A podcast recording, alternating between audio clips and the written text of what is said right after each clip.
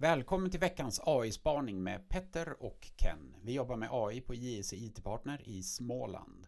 Och precis som ett sju minuters träningspass rustar vi dig varje vecka med lite information inom AI. Det är ingen nyhetspodd, men vi tar upp två relevanta ämnen som ligger oss nära hjärtat. Vi avslutar sen alltid med ett värdefullt tips som ger dig tillbaka de minuter du har investerat i oss.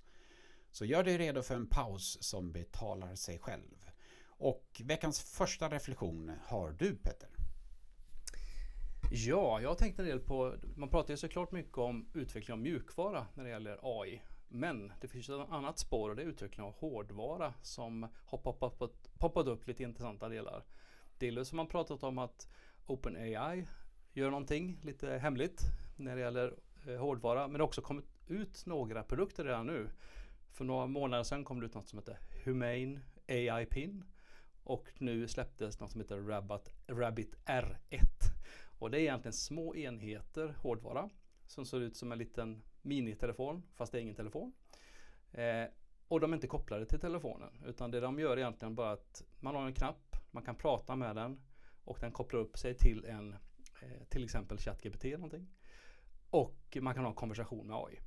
Och egentligen bara prata med AI och säga att jag vill ha hjälp med det här, jag vill boka det här bord på en restaurang, jag vill beställa en taxi eller vad det nu är. Och så har man kopplat ihop de tjänsterna då eh, i bakgrunden så att den kan boka åt mig. Och även om ingen av de här enheterna kanske blir något världsomspännande succé så är det intressant ändå att eh, de här hårdvaruutvecklingen sker nu tycker jag. Och en av sakerna som är intressant är ju då att eh, Apple som har flest hårdvaruenheter ute har ett ekosystem och inte har gått in på AI-marknaden riktigt än. Skulle ju kunna göra ungefär samma sak fast med sina klockor. Eh, så det är väl en spaning att det är nog vägen in för dem. Och idag så gör man ju det här uppslaget mot över nätet kan man väl säga till de här eh, AI-modellerna. Men det är ännu intressantare utveckling som sker om man då kan ske lokalt på hårdvaran som man har. Eh, och då är det inte bara en task i taget, en uppgift i taget, utan det är intressant även om man då till exempel kan säga att jag skulle vilja, eh, jag gör alltid det här på min telefon. Och så säger man till den här enheten att om det nu är Apple då, eh, säger man att titta på mig hur jag gör. Och så lär du dig hur man bokar de här borden eller hur man tidsrapporterar eller hur man gör. Och så lär den sig att när jag vill tidsrapportera så gör man det på det här sättet. Så att det är ett helt nytt sätt att man slipper hoppa in i alla appar och göra sina olika saker utan prata bara med dem. Det är intressant att se vad Apple gör här. Apple. ja, absolut. Det är, och vi får väl se framåt juni när de brukar hålla sin stora uppdatering i, i det hela. Um, uh, ja, och nästa reflektion är ju från mig då. Det är ju Copilot de släppte ju i förrgår licenser, alltså öppna upp licenserna. Det har funnits sedan första november egentligen, Copilot för Microsoft 365.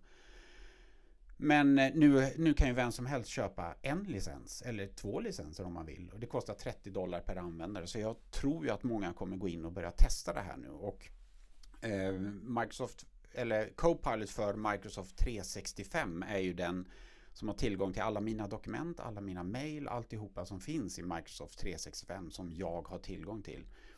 Så det, spaningen är väl bara att nu är det öppet och det blir intressant. Jag vet att vi har några kunder som redan nu har beställt några licenser enstaka och eh, frågan är om det här kommer bli startskottet. Är det nu alla hoppar på det här och börjar testa? Och vi kommer ju börja testa från och med idag förhoppningsvis och det blir ju superintressant att se vad som händer nu. För jag tror ju att det här kommer revolutionera vårt sätt att arbeta.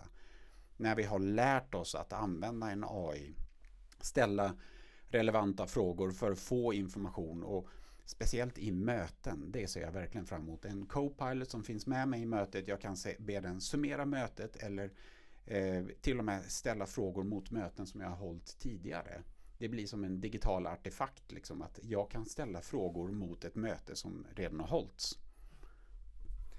Jag tänker också att det blir, jag menar, vi har ju märkt när vi har haft utbildningar och de har hjälpt kunder att testa på att när de matar in sin egen, till exempel en pdf med, med vad det nu är och ställer frågor mot den, då vet man ju, känner man till datan och då märker man kraft i de här AI-modellerna.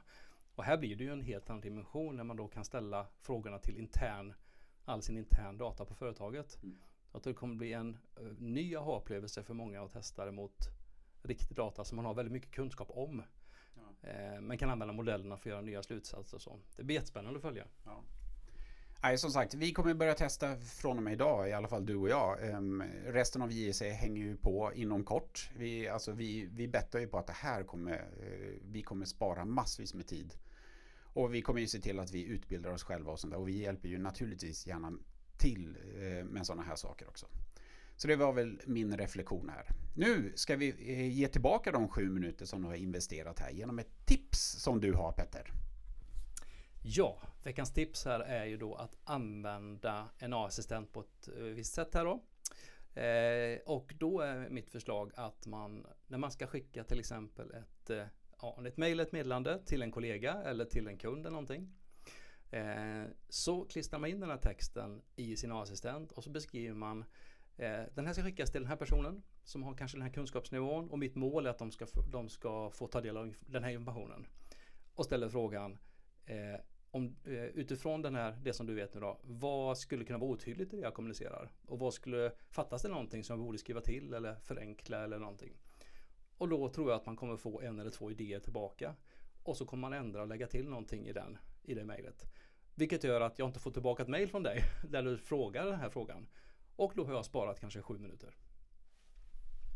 Ja, det är grymt alltså. Så att eh, skriv ett mejl, in med det i AI, beskriv vem du ska skicka det till, vad är otydligt? Exakt, och viktigt att säga då, det får ju vara en AI där den informationen stannar inom företaget, det vill säga Copilot som du kanske har för företaget till exempel. Ja.